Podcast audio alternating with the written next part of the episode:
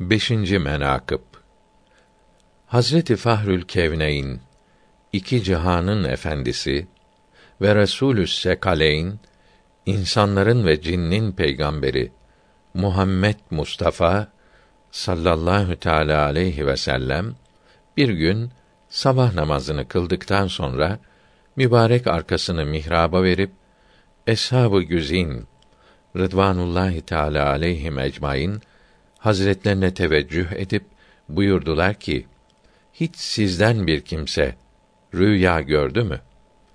Eshabın cümlesi başlarını aşağı salıp cevap vermediler. Sonra kendileri buyurdular ki: Bu gece bir garip rüya gördüm.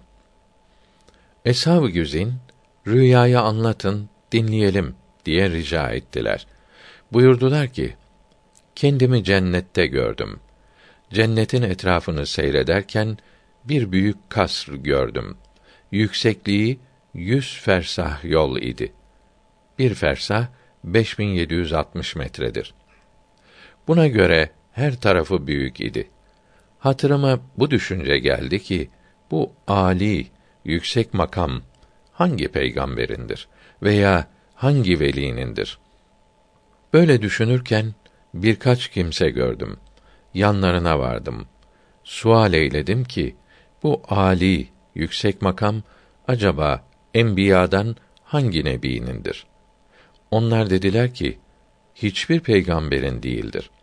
Belki Arap evladından bir kimsenindir. Dedim ben Arap evladındanım. Benim olmasın.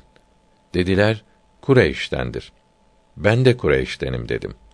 Dediler ümmeti Muhammed'dendir. Dedim ben Muhammed'im. Bana söyleyin ki ümmetimin hangisinindir? Dediler Cihar yari güzinden Ömer bin Hattab radıyallahu teala anh hazretlerinindir.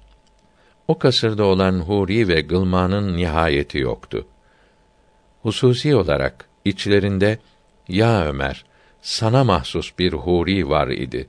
Diller şerh edemez ve vasf da edemez. Lakin senin gayretinden asla yüzüne bakmadım deyince Hazreti Ömer'in gözünden yaşlar akıp ya Resulallah baksaydınız ve bana da vasıflarını söyleseydiniz.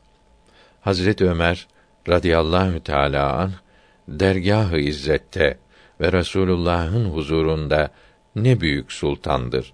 Mertebesi ne yüksektir.